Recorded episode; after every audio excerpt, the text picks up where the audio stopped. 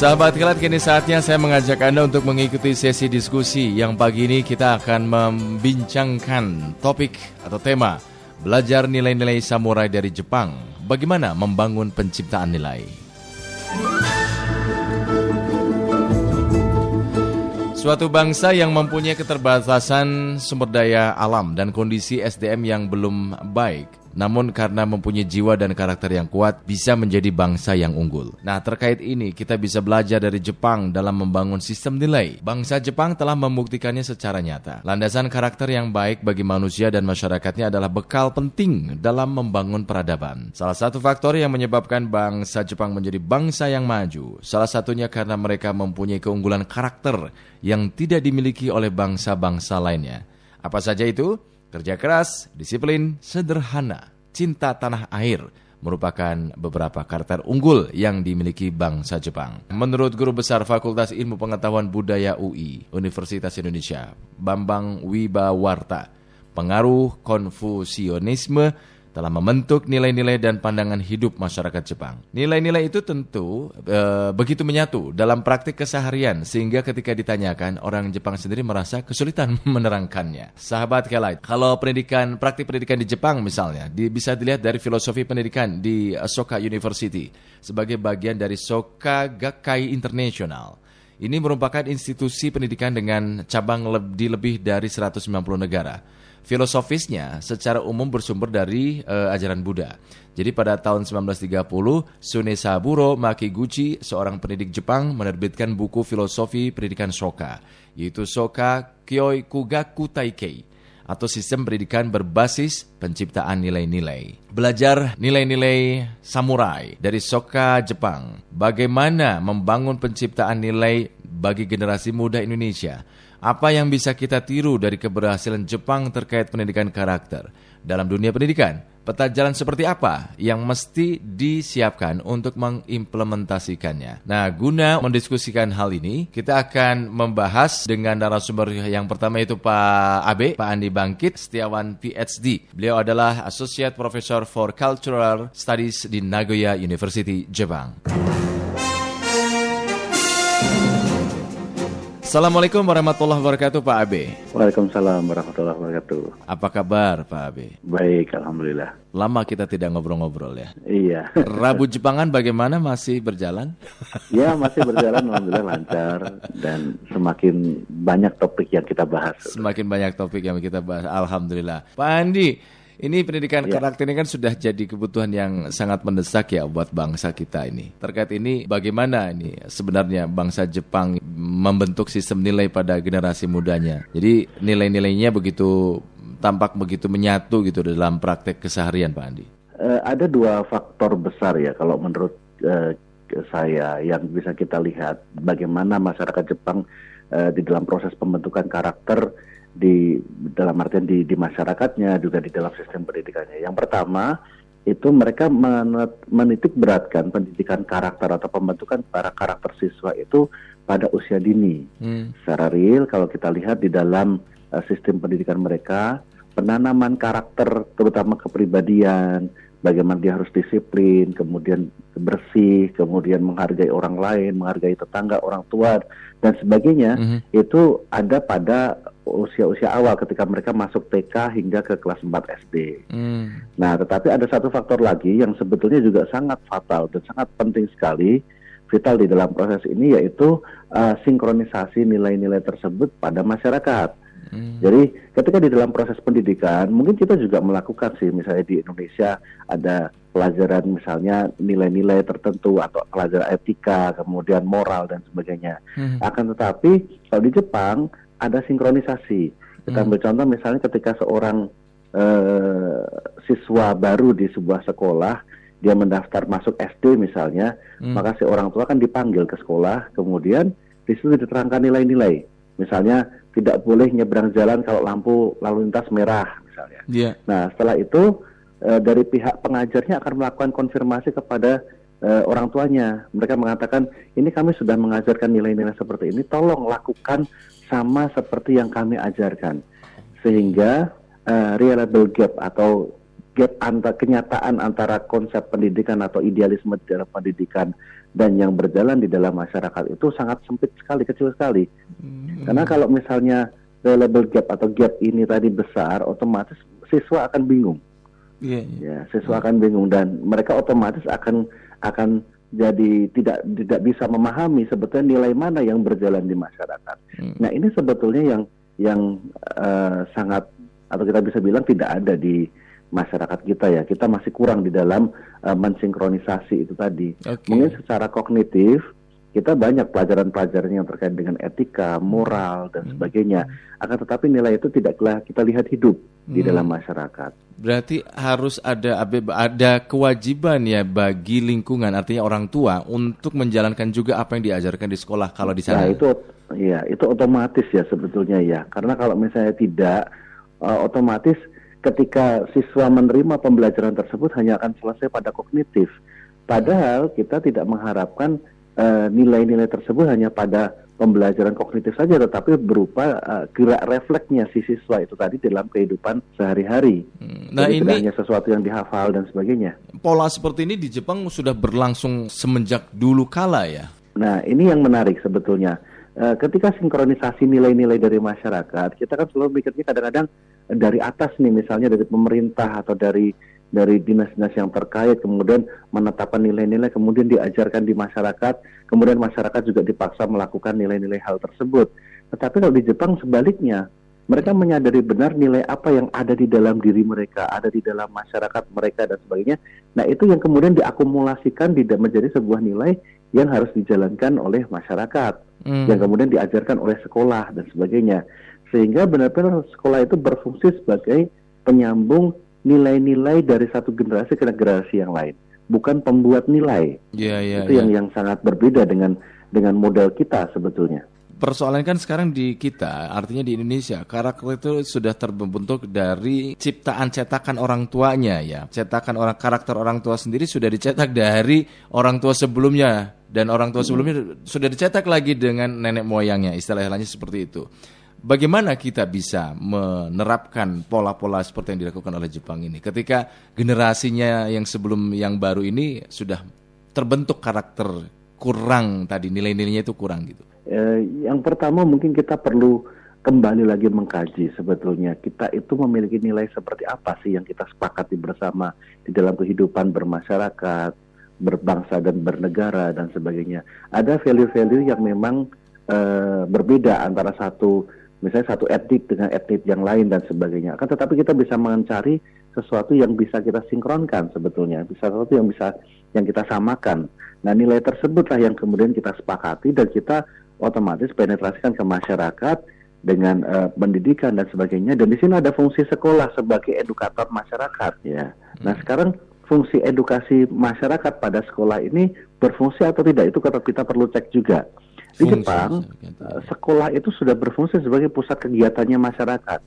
Bukan hanya karena, bukan hanya bila misalnya masyarakat sekitar sekolah itu ada kegiatan, maka mereka eh, apa tuh namanya melakukannya di sekolah. Bukan hanya itu, tetapi sekolah itu menjadi pusat pengenalan si anak ini tadi terhadap lingkungan, termasuk yeah, di dalamnya nilai-nilai. Yeah, Kita ambil yeah. contoh misalnya pelajaran-pelajaran di sekolah di SD Jepang misalnya, itu mereka lebih dahulu mendahulukan mengenali lingkungan, apa yang ada di lingkungannya, lingkungannya memiliki karakter seperti apa, ada toko di mana, kemudian bagaimana jarak kita ke sana, cara kita ke sana dan sebagainya, siapa RT-nya, siapa RW-nya, itu lebih didahulukan daripada dia mengenal sesuatu yang lebih tinggi lagi, misalnya kota atau misalnya kenegaraan dan sebagainya. Nah, pendidikan kewarganegaraan sebagai seorang citizenship kan dibentuknya dari situ sebagai pengenalan dia terhadap lingkungan. Iya iya iya. Ya. Sebetulnya uh, ada fungsi yang mungkin hilang di kita sih. Sekolah itu hanya berfungsi sebagai edukator anak-anak. Nah, hmm. seharusnya sekolah itu menjadi edukator masyarakat, termasuk di dalamnya adalah anak-anak itu sendiri. Hmm. hmm, hmm, hmm Ini yang iya, sangat iya. penting sekali, yang yang memang menonjol sekali di dalam di dalam uh, karakter pendidikan Jepang, terutama pendidikan pendidikan dasar mereka di situ sebetulnya. Hmm. Pak Andi ini kan tahun 1930 ya Sune Saburo Makiguchi ya itu hmm. pendidik Jepang ini menerbitkan buku filosofi pendidikan Soka. Soka nggak tahu nih saya nyebutin ini benar nggak? Soka Kyokugaku Taikei. Atau sistem pendidikan berbasis penciptaan nilai-nilai.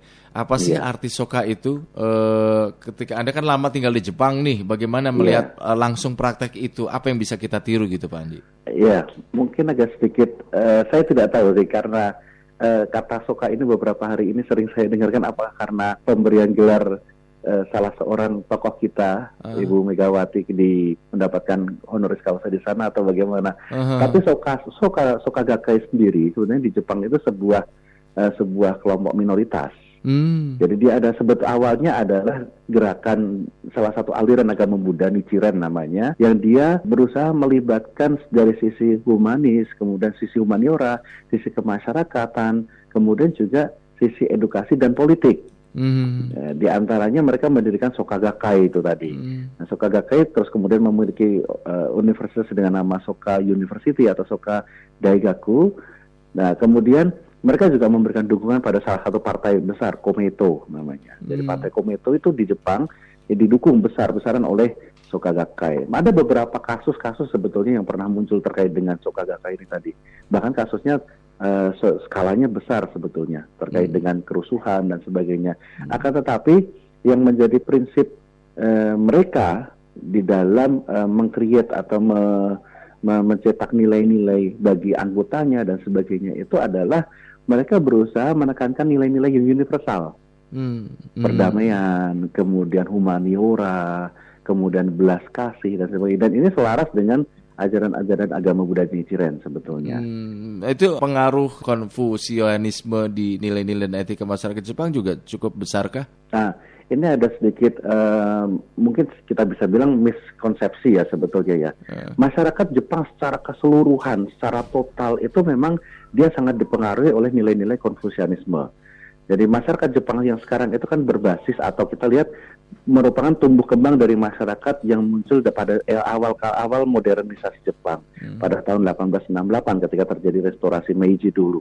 Ketika mereka berinteraksi dengan Barat, kemudian mereka mengenal nilai-nilai Barat, kemudian mereka mencoba mengkulminasikan, uh, mencoba mengkristalisasi nilai-nilai yang kita miliki apa. Nah, di antaranya adalah muncul misalnya tulisan karya karya salah seorang ahli Jepang ya hmm. Yang kita kenal sekarang dengan nama Bushido. Bushido ya. Iya kan. Nah ke, ke buku Bushido ini kita ambil contoh misalnya ini sebetulnya uh, hasil respon dari si penulis terhadap pertanyaan uh, teman-temannya yang ada di Eropa dulu ketika ditanyakan kita di Eropa memiliki semangat atau memiliki jiwa Kristiani yang mendukung semangat kita menjadi seorang knight, seorang kesatria, sehingga kita bersikap jujur dan sebagainya. Nah kalau di Jepang apa, di negaramu apa? Kemudian dia merenung dan dia tulislah Bushido itu tadi. Hmm. Nah ini sebetulnya berdasarkan apa yang dia alami sehari-hari dalam kehidupan dia sebelum masa modern, dia mengalami pendidikan di zaman pramodernnya Jepang. Hmm. Nah di zaman pramodernnya Jepang atau kita sebutnya disebutnya di masa Edo, zaman Edo, itu Konfusianisme menjadi sebuah dasar dari pendidikan atau oh. semua sekolah itu menggunakan itu sebagai asas pendidikannya sehingga uh, sangat wajar sekali nilai-nilai mereka misalnya nilai, nilai loyalitas, yeah. bela negara, kemudian hormat kepada orang tua, kemudian ramah kepada sesama dan sebagainya itu menjadi sesuatu yang wajar bagi diri mereka. Hmm, okay, sesuatu okay. yang wajar bagi diri. Nah, hmm. ini sebetulnya nilai-nilai yang muncul dari Konfusianisme. Hmm. Kalau sebelum itu otomatis berbeda masa-masa Jepang sebelum mereka mereka mengenal atau memasukkan nilai-nilai Konfusianisme uh, di dalam di dalam uh, kehidupan masyarakat mereka. Berarti sangat melekat nah, ya ini ya. Iya, sangat melekat sudah mendarah daging lah, bisa kita hmm. bilang seperti itu. Jadi mereka mungkin tidak sadar ketika mereka melakukan nilai-nilai tersebut mereka katakan ya ini yang saya terima dari kakek, kakek nenek saya dari yeah. orang tua saya bahwasanya hmm. saya harus cinta negara saya saya harus menghormati uh, orang tua saya dan sebagainya itu sesuatu yang tidak mereka deskripsikan lagi. Iya iya Pak Andi benar nggak sih kalau pendidikan di negara semaju seperti Jepang itu konon kabarnya tidak mengedepankan intelijensia tapi justru lebih menekankan pada kepribadian atau karakter sejak dini.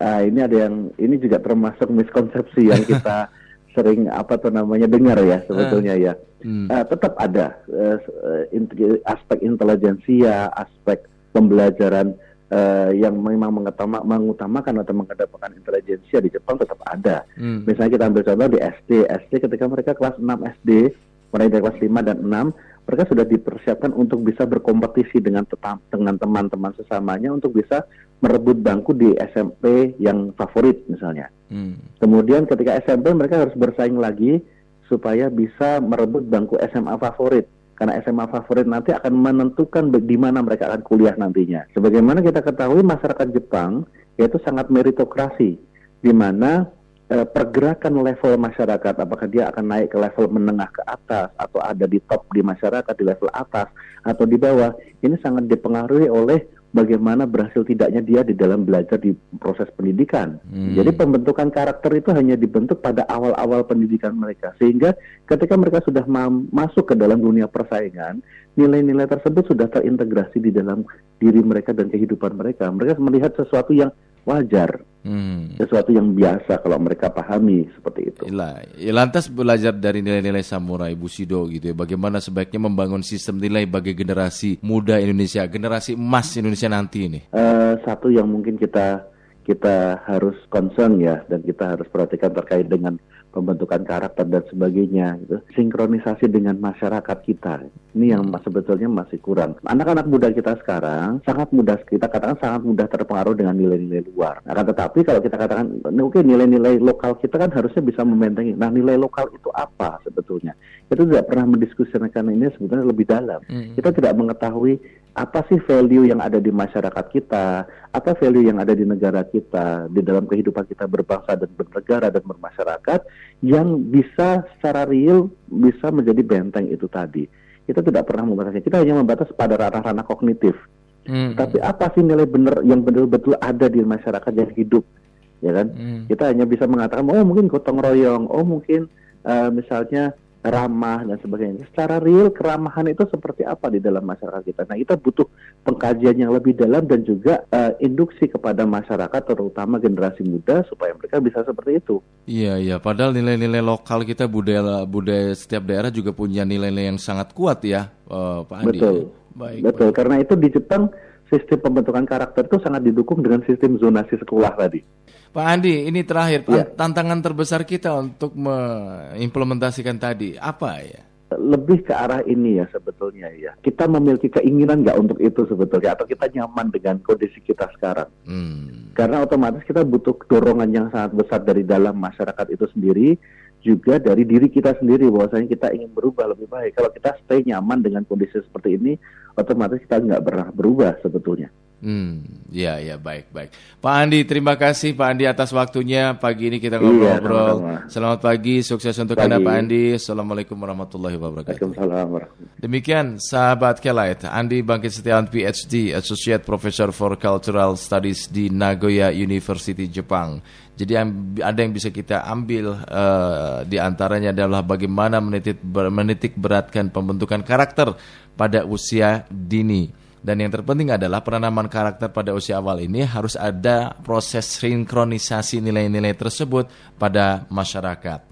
Seperti biasa, sahabat Kelight, sebagai tanggung jawab moral kita sebagai civil society atas persoalan ini, saya mengundang Anda untuk ikut turun rembuk, berbagi pandangan, bertukar pemikiran Anda. Menurut Anda, bagaimana membangun sistem nilai bagi generasi muda di tengah gempuran budaya cepat saji atau instan? Anda saya undang untuk menyampaikannya di WhatsApp Kelight FM 0812 203 1972. Good to great. Good to great. Do it, do it, do it, do it, do it now.